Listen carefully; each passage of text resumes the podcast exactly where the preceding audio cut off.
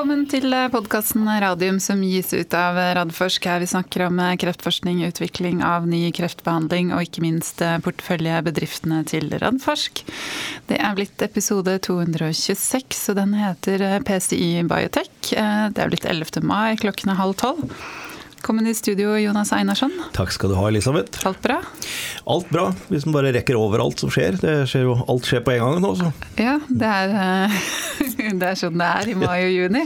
Det er det. har jeg lært meg etter et, etter et langt arbeidsliv. Og hjertelig velkommen i studio, Per Voldai og Ronny Skugda. Takk for det. Ja. Hjertelig. Eh, nå sa jeg ikke titlene, og det var nesten litt sånn eh, med vilje. For det er litt sånn avtroppende og påtroppende og sånt noe. Eh, jeg skal bare først si at eh, det har kommet en del nyheter, men de tar vi til slutt i dag. Så vi tar eh, først og så gå gjennom ting med PSI, og så kommer vi tilbake til, til nyhetene. Eh, Men da kan vi jo egentlig bare starte med det, da. Eh, Per, at etter 14 år som eh, CEO, altså administrerende direktør i, i PSI Biotech, så skal du tre av. Og du skal videre til et altså annet kreftselskap, Exact Therapeutics. Så fikk vi vite i dag at det er, du trer av allerede i slutten av mai, og så skal du vel antagelig starte der ganske kjapt etterpå. Og så blir du interim CEO. Eh, Ronny? Ja, Ja. det, Nikking gjør seg så dårlig i podkast. Men eh, Så jeg tenker vi må liksom begynne litt med dette her først. Ja. Altså, som jeg sa til deg eh, før, vi gikk, før vi gikk på lufta her, Per, at jeg tror jeg møtte deg akkurat da du starta, eller da eh, PCI ble, ble spunnet ut av Fotokur, i de gamle Fotokur-lokalene. Det er jo da 14 år siden, så det har blitt, blitt en stund siden sist. Men eh, ja, si litt, si litt om dette her. Ja, nei, altså det, det er vel egentlig ikke så mye å si. Jeg begynner jo å bli en gammel mann. Hvis jeg skal gjøre noe annet enn å være PCI resten av livet mitt, så er det vel nå jeg må gjøre det. Egentlig. Eh, Det har vært fantastisk å få lov til å lede PCI Biotek i, i denne perioden. 14 år er ganske lenge. Eh, Jeg tror ikke jeg vet om så veldig mange andre biotek-CEO-er som eh, har sittet så lenge. Så jeg er jo veldig takknemlig for å ha fått den tilliten som jeg har fått over så lang tid. Mm. Men syns nå at eh, det var på tide å gjøre noe annet. Eh, Rett og slett fordi at eh, eh, jeg er jo Jeg begynner å bli en voksen mann, eh, jeg også. Og nå, skal jeg ikke, nå sier jeg ikke at jeg skal ha 14 år i eh, Therapeutics som jeg skal begynne i, men eh, for å kunne utrette noe der, så må man ha litt tid foran seg. Ja. Så da ble det sånn. Da ble det sånn. Mhm. Og Ronny, interim CEO. Det Ja. er greit? det eh, gleder jeg meg til. Og jeg er jo takknemlig for den eh, tilliten. Og eh, Per har jo etablert et fantastisk team i PCI Biotech, sånn at det blir en enkel oppgave for meg å lede de videre, videre. Men utfordringene ligger jo foran oss. Ja. Det gjør det jo. Eh, Når kan man forvente at man har en, en CEO på plass? Altså en fast CEO og ikke en interim CEO? Det vet ikke jeg. Nei. Det må vi snakke med styret om. Ja. Mm. Er, det, er du kjent med hva slags profil dere ser etter, eller er det liksom Det er kun styret som jobber med dette? Det er det. Ja. Den er god. Eh, og så har det jo skjedd flere endringer i teamet. Jeg tenkte vi kunne ta det med en gang. Ja. Eh, sånn som at eh, Ludovic Robin, altså CBO, har, også går av. Og så er det en totalt 25% reduksjon i teamet, som dere sa i dag. Skjønte jeg det riktig at det var særlig innenfor klinisk Ja. Særlig innenfor klinisk. ja, I forhold til release-studien. ja. Ja. Ehm, kan dere kommentere litt på det? Kanskje kan dere begynne med det at Ludvig Ludovic Robin går av? Ja, det kan vi begynne med. Altså, Han eh, ble jo ansatt Vi søkte jo en profil når han ble ansatt av en person som hadde både en viss business development, men eh, ikke minst da en kommersiell erfaring. At ta produkter på markedet. Fordi at eh, Fimakem var i en fase der vi begynte å nærme oss noe som skulle være, hvis ikke vi hadde stoppet uh, release-studien, en, eh, en eh, markedsføringstillatelse. Og hans lanseringsekspertise innenfor det området var noe som vi ønsket å ha i selskapet. Eh, og nå, når Elise legges ned, så er han jeg vil ikke si malplassert, men det er liksom ikke akkurat den profilen vi trenger på business development. eh, Mm. En, og en sånn marketing-kommersialiseringsekspert. Så da syns vi det var fornuftig å snu litt rundt på det. Mm. Eh, Og vi ble enige om at han da skulle slutte i, i PCI ikke i forbindelse med dette. Ja. Høres fornuftig ut. Og så ser jeg jo, eller sånn som dere presenterte i dag på Q1-presentasjonen, så, så er det jo Dere ser jo etter partnerskap, dere ser jo etter å lisensiere ut. Så det er jo naturlig at man kanskje vil ha inn en ny, ny CBO, altså ny til å drive forretningsutviklingen. Det er naturlig, men sånn som det er akkurat i dag, da, så vil uh, dette bli delt mellom oss som er i PCI Biotek allerede. Meg, eh, Amir og resten av eh, det kliniske teamet også, Ja. med Nina Gustavsson som har erfaring fra Karolinska og den biten supporter det scientific-biten.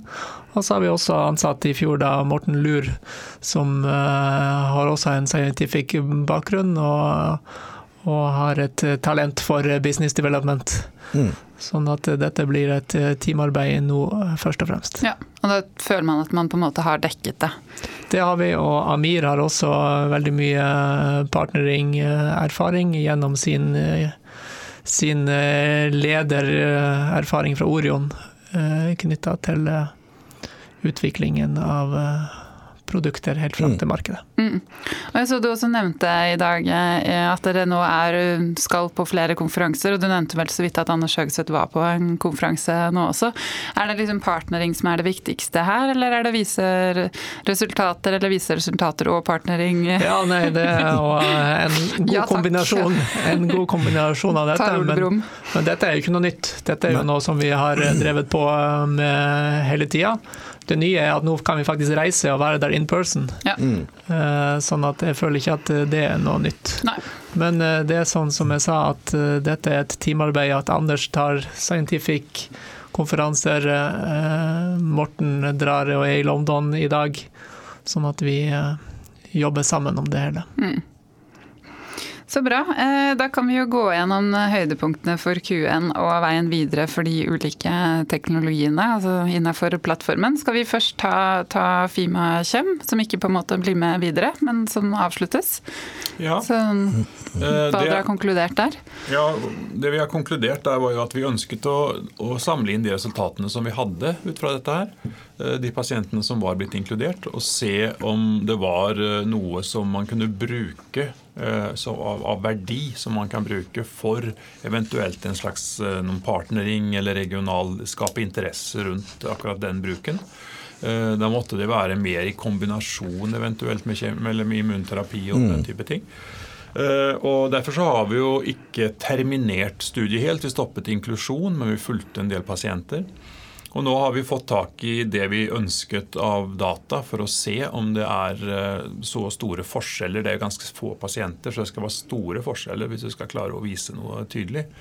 Eh, Og det er ikke noe vi klarer å ta ut av de dataene som vi kan skape verdier av, rett og slett. Det er ikke nok eh, pasientgrunnlag. Det er mindre enn 20% av det vi egentlig skulle ha for å klare å vise forskjellen Ja, med en, med en god nok power.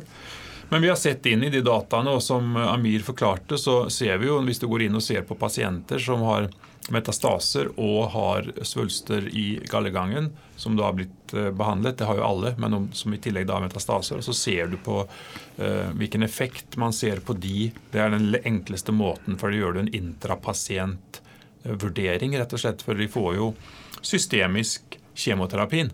uh, Men de får bare belysningen i gallegangen. Og Sammenligner man de svulstene i gallegangen med de som er utenfor gallegangen, som ikke blir direkte belyst, så ser man en ganske stor forskjell. I, eh, sånn at det er effekt av behandlingen, men det er ikke sånn at vi klarer å se det på pasientgrunnlag mellom armene og si at her er det forskjeller. Det- Nei, for da må det på en måte en helt annen sånn statistisk kraft til, ikke sant? i form av å vise en signifikans. Og det er jo nettopp derfor dere måtte opp i antall pasienter. Det var jo egentlig 186 pasienter som skulle inkluderes i denne Ja. studien her, og Skjønner. avbryter med til 120. Kom, kommer dere til å, å publisere noe vitenskapelig på dette? Det vi nok gjør, er å legge resultatene ut på cleantrials.gov, rett og slett. Mm. Det er den enkleste måten å gjøre det på. Vi ser ikke at det er eh, fornuftig for selskapet, nå snakker jeg litt på vegne av Ronny kanskje, men vi ser vel, eh, tror jeg han er enig i, at vi ser ikke at det er fornuftig å bruke mye ressurser på å publisere disse resultatene og komme ut med det. Nei. Eh, Det er bedre at vi bare legger det ut, sånn at det er tilgjengelig for alle Jeg kan gå inn og se på det. Ja. Eh, Og så fokuserer vi på Fimavac, som Ja. er det nye lead program. Mm. Det er viktig å presisere, som du gjorde nå, at det, dette er fordi altså, Du skulle hatt noen utrolig frapperende effekter hvis du skulle kunne vise en forskjell med så lite pasienter. Eh, altså, det, det, det, er, det er nesten ikke mulig. Eh, Sånn at det, og, da legge ut eh, alle dataene, så folk som er interessert selv kan gå inn eh, og se og, og gjøre disse analysene selv, hvis de ønsker det. Det syns jeg er en veldig fin måte å, å gjøre det på. Eh, Jeg bare lynraskt skumma gjennom det som kom til, eh, til morgenen da, og da tenkte jeg jøss, virka det ikke? Ja. Med, sånn ved første øyekast. Og når jeg nå så litt nærmere på det, så er det ikke det dere egentlig sier. Men eh, det er, så jeg tror det er en viktig presisering. Ja. Ja, det tror jeg også er en veldig viktig presisering. For det har jeg sett noen kommentarer på at eh, antallet var 40-41 pasienter. Ja, og det, var ikke, Ja. mye- det, var, det var ikke så mange som hadde data. Nei, ikke sant. Eh, Vi hadde vel data fra noen og par Ja. og 30 eller noe sånt, tror jeg. Ja. Og så er det jo også viktig å tenke på at eh, de endepunktene vi har sett på her, hva som hadde skjedd med overall survival, får vi aldri vite. Nei. Men med effekt i gallegangen, så er det ikke utenkelig at det kunne ha skjedd noe der Nei. også. Nei. Mm. Mm. Ja, men Så bra. Men da, da er den på en måte, den er i skuffen, og, og resultatene blir lagt ut eh, åpent. Og de som holder på med, med gallegangskreft, eh, kan da gå, gå inn og kikke på det. Eh, Ja, men da kan vi jo gå over til, eh, til Fimavak, som er det mest eh, spennende og det dere går videre med nå. Det var veldig fint å få, få presentert konkrete planer i dag på hva dere skal. Dere skal jo da inn i en fase to, hode-hals-kreft. eh, Starter i 2023 med, med inklusjon. Og der er det jo en, kombinerer dere jo altså vaksinen med en ny adjuvans, eh, Hiltonol, og en sjekkpunkthemmer og kjemoterapi i begynnelsen, hvis jeg skjønte eh, Amir Snafir eh, riktig. riktig. Ja. Og så er jo på en måte hele poenget her av å nettopp gjøre kalde svulster, som er da i hode-nakke-regionen, varme. Fordi det har jo da blitt behandlet med, med sjekkpunkthemmer, men har altså fått eh, tilbakefall. Eh, og så var det snakk om opptil 20 pasienter, 8-12 sentre. Dere vet dere ikke helt ennå, for dere er jo i, i dialog. Og så ser dere etter samarbeidspartnere. Men utdyp gjerne litt mer. Det var min korte. Jeg tror du egentlig har sagt det meste, så tusen takk for det. ikke sant? Amir hadde en mye lengre prestasjon på det. Det må være noen ting mer her. Ja, det er, det er klart det det er mer ting. Altså det som, eh, men det var en, en god oppsummering eh, av det. det. Vi ønsket å gå ut med konkrete planer nå for å vise hva vi faktisk eh, gjør. Dette har vært en lang prosess. Vi har gått ut for å se etter hva er det av peptidantigener som vi vet Fimak fungerer veldig godt med, som er tilgjengelige og som vi kan bruke i et produkt. Eh, og som er gode innenfor en indikasjon som passer bra til eh, vår teknologi. Og da pekte noen eh, tumorassosierte antigener seg ut, som er nøye selektert. Og så er er det hode-hals-kreft. eh, Og den pasientpopulasjonen som du sier, det er da de som ikke får respons av immunterapi. Sånn at de er ikke sensitive. De progrederer fort etter at man starter immunterapi. Og det er de vi ønsker å, å, å inkludere her, og se om vi kan konvertere disse pasientene. Og Måten du da gjør den studien på, er at du fanger opp de pasientene som ikke responderer, eh, og så gir du dem eh, Fimavac-vaksinen og fortsetter med immunterapien som ellers ville vært avsluttet, og ser om du kan konvertere noen av dem til å bli respondere. Så Derfor så er det ikke, du trenger ikke en stor randomisert studie for å vise. Eh, De har allerede feilet, på en måte. Og vi ser om vi kan snu dem fra å være feilere til å bli respondere. Mm. Uh, og, og, da trenger du ikke egentlig en randomisert studie, du trenger egentlig bare å plukke akkurat de pasientene og se om du klarer å snu noen av dem. Og så har vi gjort en del statistiske beregninger på hva skal til for at vi skal kunne fortelle at dette her faktisk er noe som funker. Uh, og har da landet på denne størrelsen for å, uh, for å, å vise det med at, at vi får en effekt rett og slett av behandlingen. Og så er det da sånn at eh, Kombinasjonsbehandlinger det er jo det man gjør i stort sett i dag. Eh, man kombinerer forskjellige ting for å få det til å fungere bedre. Eh, og vi legger da på også en immunmodulator, en kjemoterapi her, for å prøve å trykke ned immunosuppresjonen, ta ut immunosuppressive celler, altså celler som motvirker at du får en immunrespons. Ja. Og det gjør vi da i starten av behandlingen. Mm. Og Det som vi har gjort med dette her, det er lagt et fantastisk grunnarbeid som er lagt av Amir og teamet. De har, og Anders og, og Nina også fra Karolinska instituttet, eller som, kommer, som ble med oss fra Karolinska instituttet for uh, hvor lenge siden er det nå? Det er vel et halvt år, Snart et år blir det vel til sommeren. Eh, som har attrahert eh, noen fantastisk gode key opinion leaders, noen av de største navnene innenfor head and neck og immunterapi i verden, som, eh, blant annet, som ledes av kan man si, av Kevin Harrington i, i, i England som har diskutert studiedesign med oss uh, i en gruppe. Uh, altså det, så De har diskutert det sammen på tvers av land, også over til USA, der Ezra Cohen har vært vår key opinion leader som har vært med. Og har eh, finslipt denne studiedesignen til det det er i dag. Eh, og er eh, interessert i å være med og kjøre denne studien, og er veldig Altså de, de er veldig Excited er vel et godt norsk ord. Mm. For å få lov til å være med. Begeistret for dette. Eh, ikke minst på basis av en del prekliniske resultater og den fase 1-studien som vi har gjort i Friske frivillige, og det vi har vist der. Mm. Så her er grunnlaget er på plass. Eh, dette er en veldig Eh, god indikasjon, et stort udekka behov, for mesteparten av pasientene responderer ikke. Nei, for Det var egentlig oppfølgingsspørsmålet mitt. Altså, Hvor mange er det som responderer på sjekkpunkthemmerne innenfor den pasientgruppen her? Det er litt avhengig av hvordan du deler inn pasientgruppen, men ja. det er en majoritet som ikke responderer. Kanskje ja. 30% eller noe sånt som, cirka, som responderer på det. Skjønner. Ja. Mm -hmm. Så, så, her tar vi jo de som ikke responderer med en gang, på en måte. Altså der du, De som er feilere, de som progrederer mm. fort. Det er de vi, vi plukker ut. Mm. Så det er et, eh, et, et veldig godt designa opplegg. Veldig bra klinisk nettverk som står klare til å starte dette her. Eh, og vi har satt i gang eh, produksjon av disse peptidene. Vi har source, holder på med sourcing av, av produkter.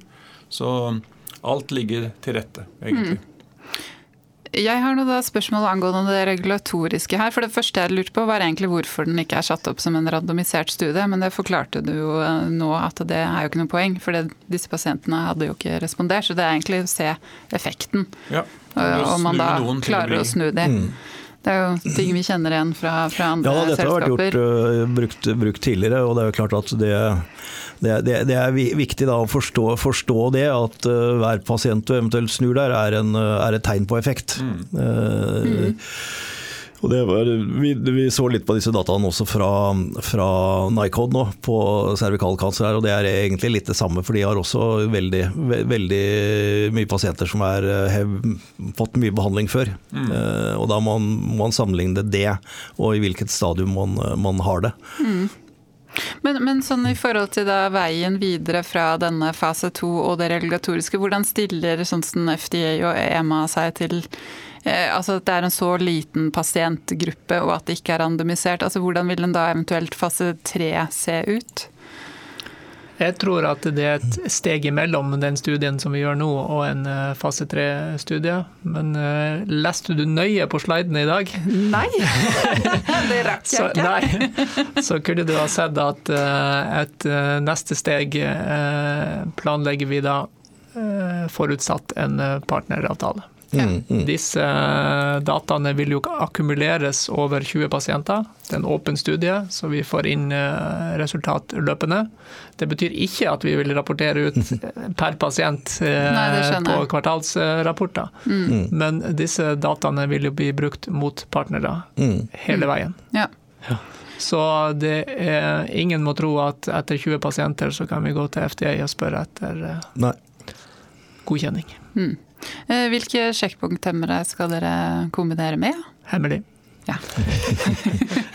Eh, Må dere betale for disse hemmelige sjekkpunkthemmerne?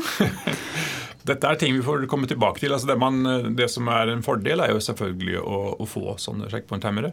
Det som er uh, saken, er at eh, de, alle disse store farmaselskapene som, uh, som har sjekkpunkthemmere der ute, de uh, er eh, relativt eh, aggressivt eh, besøkt av alle mulige slags selskaper som ønsker å få disse sjekkpunkthemmerne. Eh, Men det betyr jo ikke at ikke vi skal prøve også.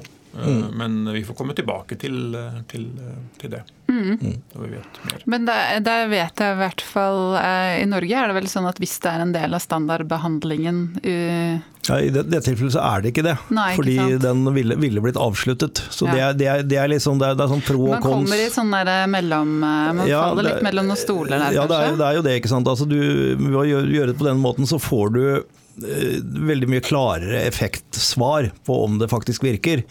Eh, På den annen side, hvis du hadde kjørt det i en eh, tidligere linje hvor de, de hadde fått denne behandlingen allikevel, så ville det vært en del, hvis det er en del av standard of care, da hadde du på en måte løst det økonomiske problemet i det. Mm. Så sånn sett fra min side så høres veldig spennende ut. Jeg er spent på å høre i neste runde hvordan dere skal finansiere det.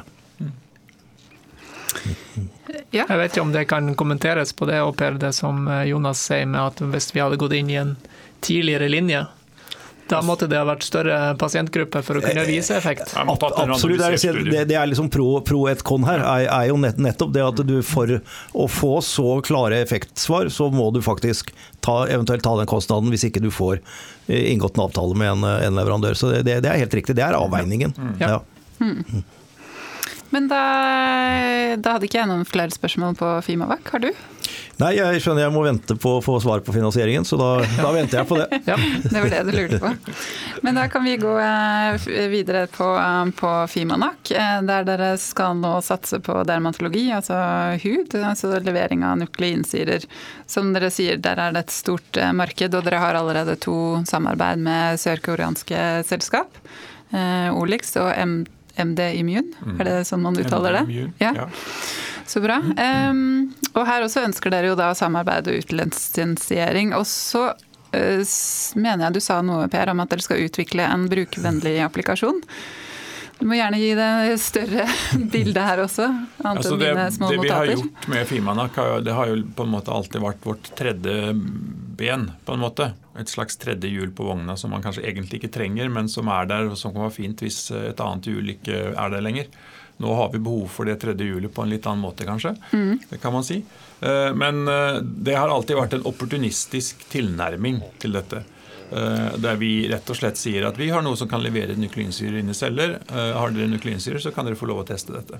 Og vi har ikke differensiert på hvilke applikasjoner de har, eller eh, hvilke sykdomsområder, eller noe ting. sant? Og så har vi jo hatt, fått en del erfaring ut fra alle disse samarbeidene, eh, og fått ganske mye data og sett hvor funker det, hvor er det lett å applisere. eh, Og, og hva er det som er hurdles eller barrierer når du da skal gå inn, inn i forskjellige indikasjoner. Og ut fra det så, så har vi selektert ut dermatologi, og så ønsker vi da å ikke bare være opportunistiske, men faktisk gjøre en del trekk som gjør at det blir mye enklere å bruke dette her innenfor dermatologi. Og da er én ting er å da lage en spesifikk, eh, enkel eh, belysningsdevice som kan brukes.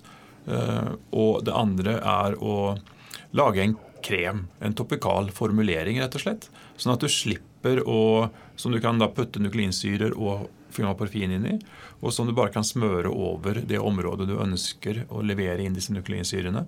Og så kan du lyse på det etterpå. Så Da har du en, en, en ready to use application, kan man kalle det for på godt norsk, eh, som du rett og slett kan putte forskjellige nukleinsyrer inn i, og som er da vår eh, vår løsning på hvordan dette kan gjøres for forskjellige typer hudsykdommer. For eksempel. Eh, Og så har vi jo da også samarbeid med Olix, som er innenfor dette området med dermatologi og holder på med nukleinsyrer, og som jo er eh, en partner som det er godt å samarbeide med når vi skal ta dette her videre. Kan dere si noe om hvilke typer hudsykdommer? Eh, Altså Den applikasjonen du nevner, det som dere skal lage, vil det funke på, på alt mulig? Det er det som Intensjonen er at du skal ha en krem som du Ja. kan smøre på hva det måtte være. Det kan være sår, det kan være eh, forskjellige typer hudsykdommer eller eksem eller hva, du enn måtte ønske å behandle da, i, innenfor eh, eh, hudsykdommer. Men til medisinsk bruk, så da må det nødvendigvis gjennom Primært til medisinsk bruk, Ja. men hvis det er noen som ønsker å bruke dette her til ting utenfor eh, rent medisinsk bruk, så er det jo ikke, kommer jo ikke vi til å sette oss på bakbeina av den grunn. Nei. Eh, men det er ikke det som er fokusområdet. men, men jeg kan bare tenke meg at det markedet her er veldig, veldig stort. Har dere noe tall? Nei, det ønsker vi nok ikke å gå med ut akkurat nå. For Nei. da må du se på nukleinsyreaktørene og hvilke områder er det mest aktuelt med de osv. Mm. Og, og den, eh, den, den biten har vi ikke den, Det blir så veldig spekulativt. Ja. Det syns jeg ikke vi skal gjøre. Nå skal vi først utvikle en applikasjon og så se om vi klarer å skape interesse. Vi har jo ikke produktene selv. Vi, har, vi kan skape en, en tilrettelegging sånn at produkter, produkter kan enkelt brukes, og det er det vi ønsker å få til. Da blir jo den store utfordringen å få det enkelt nok. Altså, fordi dette med igjen kombinasjonen kjemi og lys, ikke sant, som eh, Vi husker jo det fra helt, helt tilbake fra Metvix. Tiden i, i Fotokur, hvor det, det også var en stor hørdel å få disse hudleggene til å istedenfor å skjære det vekk, eh, smøre på krem, vente i to timer, eh, lyse, og så måtte man så det er, det, de, de utfordringene må nesten løses, tenker jeg, hvis, det, hvis Ja. dette skal fungere. Absolutt. Helt enig. Så det er jo en sånn user-friendly, som det heter igjen. Beklager. min- Brukervennlig. Brukervennlig, takk. Eh, min, eh, som, som man må prøve å få frem her. Mm. som, eh, som gjør at man senker terskelen så langt som mulig i forhold til bruk. Ja. Har dere noen tidslinjer her hva, som man opererer med? Nei, altså, jeg vet ikke, Vi har ikke gått ut så mye med tidslinjer, så, så jeg er på vei ut. Så jeg skal ikke gi noen tidslinjer, så, jeg, så du får se på Ronny og spørre han. Og jeg, jeg hører på sjefen. ja, men den er greit. Da kommer vi tilbake til, eh, til eh, tidslinjer. Eh, Da må vi høre litt om den finansielle situasjonen, Ronny. Ja. Sånn overall. Yes. Eh, vi sa jo i dag at vi nå har en runway mot slutten av neste år. Det er basert på at vi har 93 millioner i banken ved slutten av mars. Eh, kostnadene fremover for å slutte avslutte release, eller ikke kostnadene, men den cash-utlegget for å avslutte release, er estimert til opptil 10 millioner. Nå med de siste endringene med etter at vi har fått sett på resultatene og ikke ønsker å følge opp noen pasienter videre, og at siste pasienten går ut i mai, så eh, har vi et håp om å få redusert dette ytterligere. Men det er kommunisert i dag at det er opptil 10 millioner. Og da med disse organisatoriske endringene som har effekt fra Q3, og de aktivitetene som vi planlegger for Fimavak, uten å iverksette studien, så har vi da en runway mot slutten av neste år. Det er en klargjøring som er litt viktig, eh, som du svarte egentlig på nå på, på spørsmålet mitt. Dette er X å sette i gang studien, eh, fase 2-studien. Men INK-forberedelser. Men INK-forberedelser, ja. Så det Ja. betyr at Så da fram til første pasient er inkludert, eller? Eh, Det var som Per svarte på eh, i dag, om at det er helt vanlig å ikke starte en studie før du har eh, Finansiert, finansiert. Nei, Ja. det er Så dette dette er riktig. standardprosedyre. Ja. Nettopp. Så da kan man forvente at dere trenger litt eh, penger før dere Vi trenger eh, ressurser. Ja. Mm. Jeg bare nevne også at vi, vi har fått litt sånn tilbakemeldinger om at vi burde ha kommet ut med, med hva kostnadene var for å stenge release-studien eh, for lenge siden. Eh, og det har vært en, en lang prosess å få til et sånt globalt studie er stort. Et CRO som man jobber med er stort. Og hvis vi hadde gått ut uh, forrige gang, så hadde det vært en uh, stor multippel uh, som var estimatet. Mm. Og teamet har jobbet fantastisk godt med å prøve å gjøre dette her så kostnadseffektivt som mulig. Mm. Så, så det, er en, det, er en, grunn til at man, man må alltid prøve å ikke villede markedet. Når man ikke er sikker på mm. tall, så bør man egentlig ikke gå ut med dem. Mm. mm. Ja, det er helt riktig. Det var altfor stor usikkerhet i det tallet vi hadde. Og det tallet viser seg i dag var helt urealistisk. Mm. Ja. Mm. På, I den positive i den positive retningen. Takk, takk for, presisering. Ja, takk for presiseringen. ja, men det er veldig bra. Eh, vi har, eh, vi har, bare fått inn ett eh, spørsmål fra lytterne, og det er om det er noen muligheter for avtaler før, før man på en måte trenger penger. Ja, jeg vet jo at dere kan jo ikke kommentere på det, men da Men muligheter er det alltid. Ja. Ikke sant? Og det er jo det dere aktivt nå søker, ikke sant? Partnering mm, og vi avtaler. Vi søker jo partneringavtaler. Mm. og hvis det ikke var muligheter, så hadde vi ikke gjort det. Nei. Mm. Det, jeg vet du fikk et spørsmål om det i dag også, men går det an å si noe om interessen i litt sånn vage termer? Dere kan ikke si noe mer enn vagt rundt det? Nei, altså Det vi kan si er jo, Når det gjelder Fimavac og denne studien, så har vi jo uh, diskutert med noen av de viktigste key opinion leaders i verden på dette. her, og De har en kjempeinteresse av denne studien og mener mm. at den er veldig godt, uh, et, et, godt produkt som, man, som de har lyst, veldig lyst til å være med og utvikle. Uh, så har vi jo ikke gått ut med denne studien før i dag med Nei. detaljer, så vi har ikke delt dette her med eksternt i, i, veldig stor grad. Men generelt for Fimanak og, og Fimavak så er det stor interesse. Mm. Det, er det. Det, det, ser vi jo når vi kommer ut på partnering-eventer og sånne saker. At det er, det er, det er interesse der ute. Det er det mm. absolutt. Så bra. Og vi kan med hånd på hjertet også si at det var interesse for Fimakem. Ja. ja. Mm. Det var det også. Ja. Mm. Så det er bra. Det er godt å høre. Da er dere på radaren der dere skal være på radaren. Har du noen eh, bevingede ord? Det, det, er siste gang vi har med oss Per i podkasten ja. som CEO i, i, PCI Biotech. Ja, nei, altså jeg har jo jobbet med Per i disse 14 åra, fordi jeg var eh, jo med og skilte PCI ut fra Fotokur i sin tid, og enda lenger før det var eh, forhandlet frem avtalen mellom Fotokur og Radforsk om eierandeler i PCI Biotech, så jeg har jo vært innblanda i dette prosjektet i ja, de 22 årene jeg har, har vært her. Uh, og jeg tror jeg kan bekrefte, Per, at jeg vet ikke om noen som har sittet så lenge som uh, det, det, du har gjort. Det har vært uh, mer jobb i andre selskaper med, med, med styrets viktigste oppgave, å avsette og ansette CEO-er. Så det har jo vært en veldig spennende reise da, som vi har hatt, og som det er i biotek. Det går litt opp og det går litt ned. Mm. Og så får vi se hvor vi, hvor vi ender til slutt. Det er jo på mange måter litt sånn ny ny, litt ristart og omstart for PCI Biotech nå. og Det har vi jo sett at flere av selskapene har måttet gjøre. Det skjer jo en rasende utvikling. Hadde vi klart å få Fimakem på markedet for ti år siden, så hadde det vært plass der. Mm. Men eh, så, mm. så, skjer det som, som skjer, og denne, denne gangen med, med, immunterapien, og hvor kjemoterapien får mindre og mindre øh, plass. Heldigvis, egentlig fordi vi får en bedre behandling. Så det blir spennende å følge, følge Fimamak og Fimanak videre. Mm.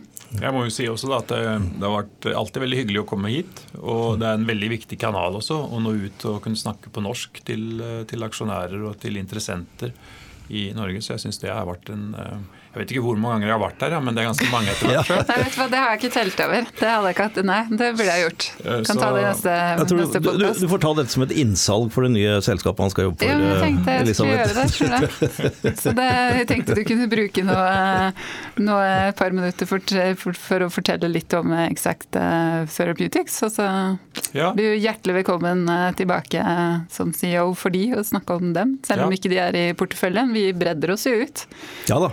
vi er jo ikke, vi er ikke eksklusive. Nei, det er absolutt et selskap jeg kjenner til og har, ja. har fulgt, ja da. Ja. Dette er jo et selskap som eh, stammer fra en teknologi som jeg var involvert i for lenge siden, så jeg kjenner jo en del av bakgrunnen. Eh, men da var det for diagnostika, og det har skjedd veldig mye med teknologien sin den, den gang.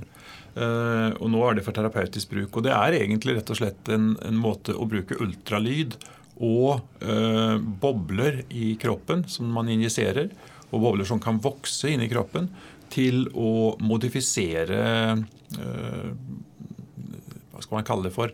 Altså selve histologien. Modifisere cellene og cellenes interaksjon og bevegelse av intercellulær væske eh, i, eh, i, forskjellige vevsområder. Så man kan bruke det til å, å øke influks av eh, produkter i svulster spesifikt i forskjellige områder. Man kan bruke det til å åpne blod-hjernebarriere i spesifikke områder av hjernen for å få frem medisiner til sykdomsområder.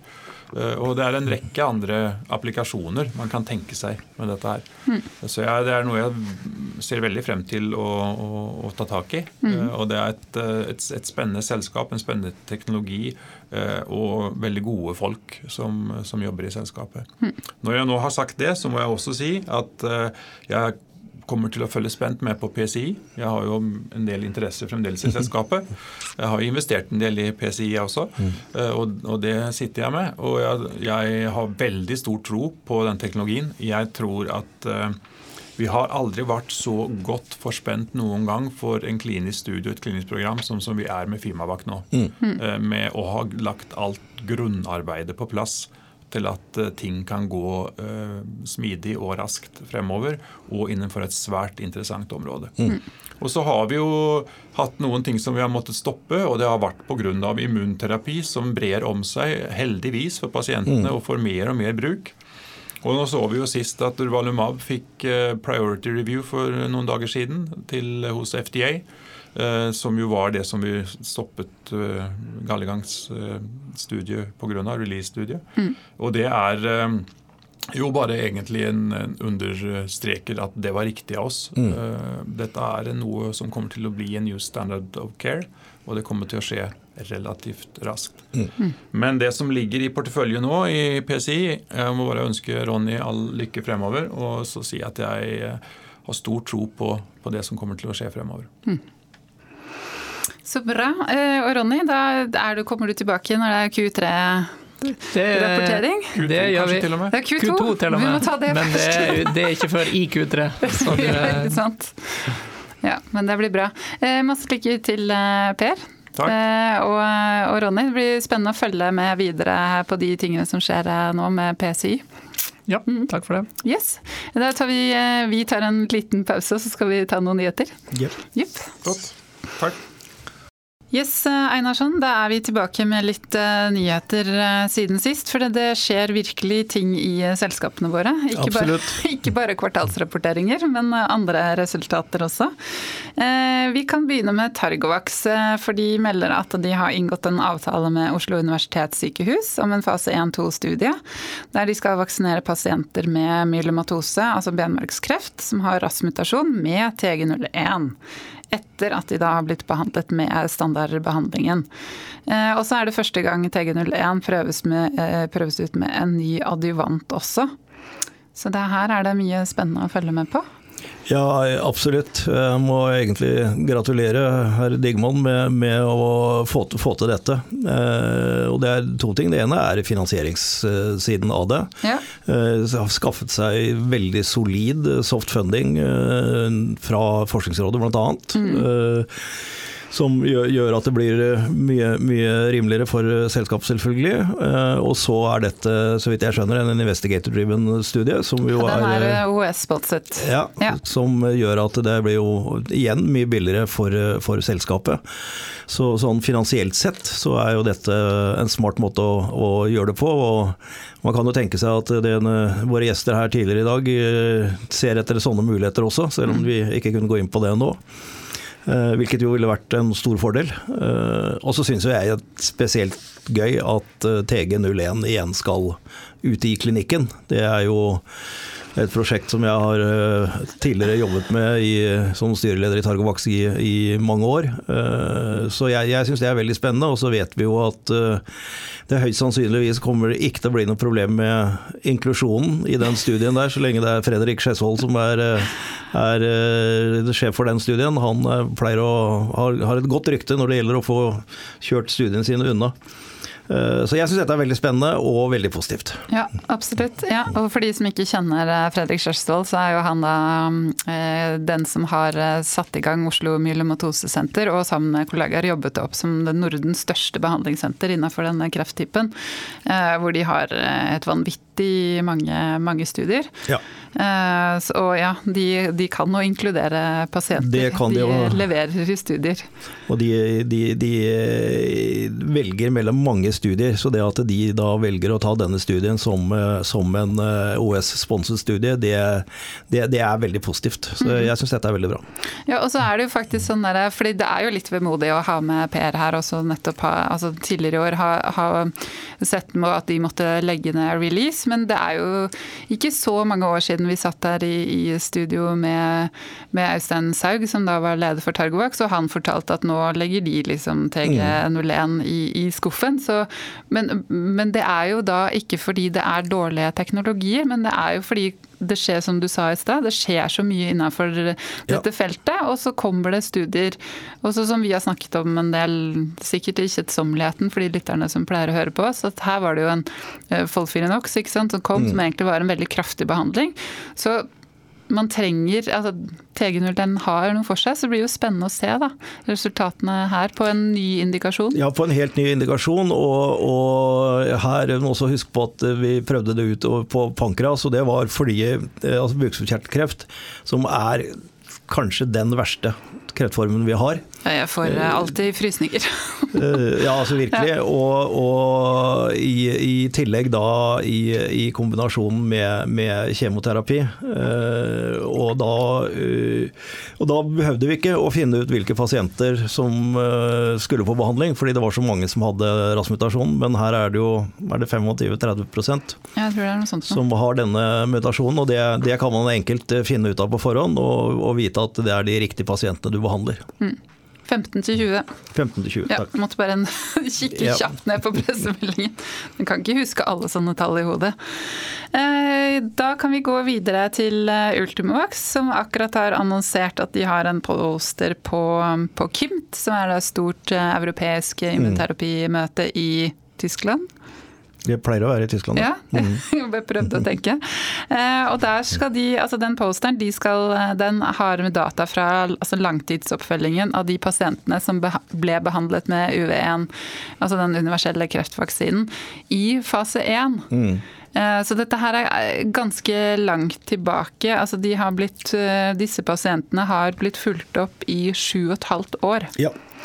Eh, og jeg tror eh, Carlos eh, de Sosa, altså CEO i Ultimax, er vel sitert i den pressemeldingen på at det er vel mm, kanskje noen av de lengste altså langtidsoppfølgingene man har på, på oppfølging ja. av mm. Ja. Og i hvert fall av UV1, for den har ikke blitt prøvd, prøvd ut før. Absolutt. Så disse her pasientene har blitt fulgt opp eh, hver sjette måned. Hvor man har sett på da spesielt de immunresponsene. Eh, og de tidlige studiene der, de gikk jo på ikke-småcellete lungekreft, og så prostatakreft, og så var det melanom der som man kombinerte med ipilimumab. Ja. Ja. Det er, det er i, i malignt melanom eh, den uh, ene armen i IP4-studien. ja. Uh, og det er, det er jo eneste vi har av langtidsoppfølging med, med kombinasjonen med, med sjekkpunkthemmere. Eh, og det er to ting eh, å bite seg merke i ved disse dataene. Nå får vi få noen av vitenskapsfolkene her, Jens eller andre, til å komme og, og forklare dette ordentlig. Men eh, det, er, to- det er to viktige ting. Det ene er at vi ser en tydelig sammenheng mellom immunrespons og kombinasjonen mellom checkpoint-inhibitor og, og UV1, hvilket vi jo har hele tiden trodd at skulle være. Dette er eh, igjen bare få pasienter, men, men det er gode indikasjoner og gode, gode data. Så det er verdt å bite seg merke i. Og så er det også verdt å bite seg merke i at eh, vi er eh, mange pasienter som har en veldig langvarig immunrespons mm. i dette. og det er, det er noe vi også har trodd. og da er det bare å skru historien litt tilbake til den gangen vi starta Ultimovax. Eh, Så var jo det basert på langtidsoppfølging av pasienter som hadde fått den første versjonen av det som nå er UV1 i dette selskapet som het Gamebox. Gemax. Og det var nettopp å analysere disse pasientene, de pasientene der som ble langtidsoverlevere, og se på hvilket hva var det immunresponsen var, og på, under, under hvilke, hvilke, deler av peptidet var det disse pasientene hadde reagert på. Og Det ble grunnlaget for UV-en. Og da var Gustav Gaudnak og Kos tanke var at hvis vi bruker de peptiddelene som de faktisk har skapt langtidsoverlevere, så kan vi skaffe flere av de. Mm. Og dette er en indikasjon på at det kan stemme. Mm. Ja, også, for Det står jo i den pressemeldingen som har blitt sendt ut, at det man ser på, på immunresponsen på, på malignt melanom, er at du ser jo den veldig kjapt. Mm. Og så ser du den i 91% av, av pasientene. Og så er det litt lavere på, på de andre indikasjonene. Eh, og det er jo da det vitenskapelige rasjonalet, mm. at her er det noe som skjer synergistisk ja. mellom UV1 og, og IPI. Så er det faktisk noen pasienter som allerede hadde immunrespons mot disse delene av, av peptidene. Mm. Og det igjen passer liksom inn i teorien og biologien i dette. Mm. Og så ser man også at det er jo en median eh, overlevelse på de som da Altså der hvor man setter i gang en immunrespons på 54,8 måneder. Eh, og så sammenligner man med de som ikke har noe respons med 23,4 måneder. Ja, igjen en indikasjon på at mm. nettopp skape denne immunresponsen også slår over i en klinisk effekt. Ja. Mm. Men Det er 51 eh, pasienter, men, men altså det er jo langtidsdata. Det er, ja. det, og det øker vel liksom styrken i, altså den, i, det, i statistikken her? Ja, det, det, Dette er nye data som igjen understreker rasjonale. At mm. rasjonale holder for hvorfor vi, vi gjør dette. Ja. Så bra. Da skal vi bevege oss videre til eh, Nycode, eh, som presenterte interimresultater på 39 pasienter fra sin fast 2-studie i livmorhalskreft. Der de da kombinerer sin første kreftvaksine, husker jeg ikke helt forkortelsen på den.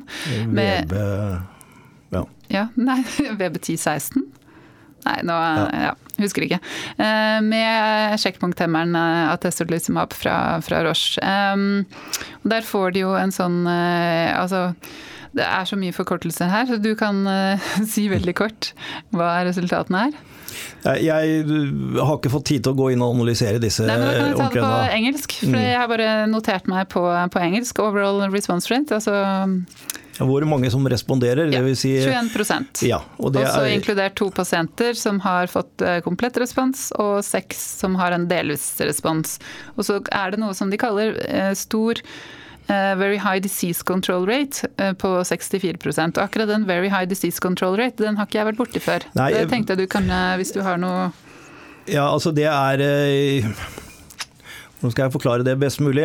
Eh, jeg har ikke, som sagt, ikke fått tid til å gå og se ordentlig på dataene, men eh, vi deler jo dette inn i eh, de som progredierer, altså hvor svulstene bare vokser videre. Mm. Og så er det de som blir definert som stable disease, dvs. Si at de ikke øker med mer enn x antall prosent. Og så er det de som har partial response, hvor, hvor svulstene minker, men da igjen jeg tror det er ned til 30 Eh, og så er det complete respons. Mm.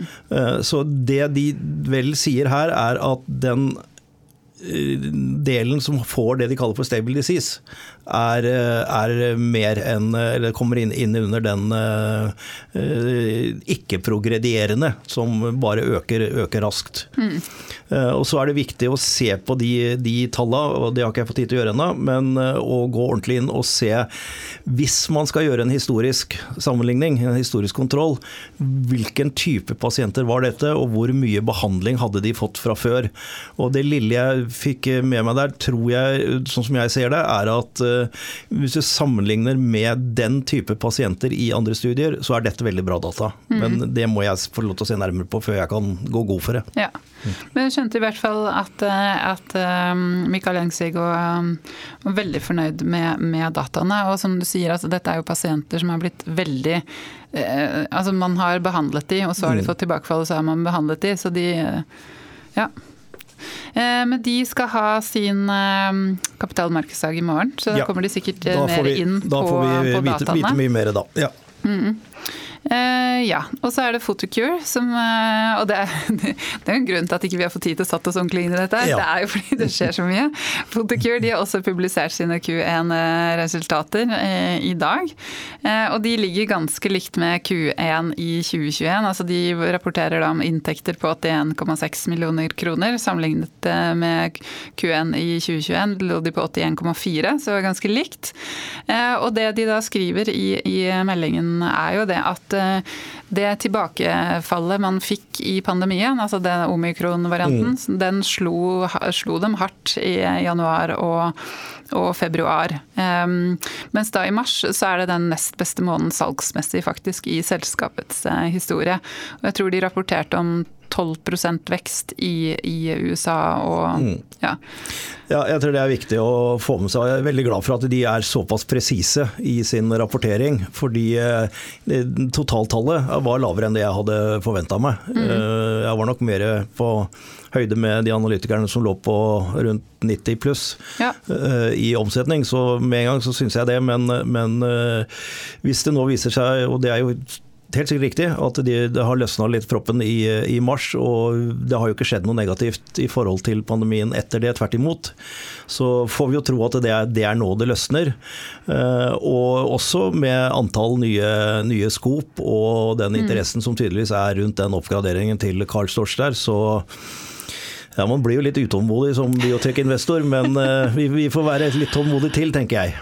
Ja, fordi eh, det, det de, altså det, den pandemien den slår jo veldig hardt når det er snakk om å komme seg inn på sykehusene, som de faktisk er avhengig av for å, for å ja. selge. Eh, og jeg tror det, det, er nesten sånn der eh, Nå skal jeg snakke for meg selv, jeg vet ikke hvordan andre har det, men jeg har jo nesten glemt at vi har vært i en pandemi. For det, såpass tilpasningsdyktige er vi mennesker, og sånne ting legger man bare bak seg. Ja, det, er, det, er, litt sånn long, long covid-syndrom ja. også innen dette. Ikke fordi sant? at eh, det, du har slitt ut eh, bemanningen på sykehusene. Det er mange som eh, blir sykmeldt eh, etter å ha stått i det løpet i pandemien. Sånn at bemanningssituasjonen er ikke løst på sykehusene våre enda. Så vi, vi, vi kommer til å slite med ettervirkningene av det en stund fremover, men forhåpentligvis da at det, at det nå løsner. Så det er, det er flere ting som spiller inn her. Eh, og det har jo vært en forferdelige måneder nå å sitte som biotek-investor. Og jeg har full forståelse for at det er mange som er rimelig fortvila over dagens situasjon. Men jeg tror fortsatt at dette nå vil snu og, og løsne, og at vi vil få en, en ny og større interesse eh, for denne type aksjer og investeringer. Men det er klart at en, en, Europa i krig og en eh, global usikkerhet er liksom ikke et vekstmarked for den type investeringer som vi driver med. Så det er, det er, det er ikke lett om dagen, Nei. men uh, om mulig så gjelder det å holde ut, tror jeg. Mm. Ja, Er det ikke det man skal gjøre når det går ned, ned, ned? For å sitte stille i båten? Jo, man eh, Er ikke det man, disse økonomiekspertene man bør sier? Det, man bør det, men ja. ja. Nei, men bare ett poeng til i forhold til det med, med, helsepersonell som er utslitt. Men det man også ser nå, for jeg snakket med, med en lege på et sykehus i Danmark eh, i går, og det, og det vedkommende sa, er at de også nå ser at nå kommer disse kreftpasientene som ikke kom mm. under pandemien. Mm. Så du har i tillegg da eh, med et utslitt personell personell, så får du enda mer pasienter mm. som du skal eh, ta deg av. Eh, ja, men den viser jo også da hvorfor man trenger ny, nye behandlinger. Absolutt. Ja. absolutt. Mm. Mm.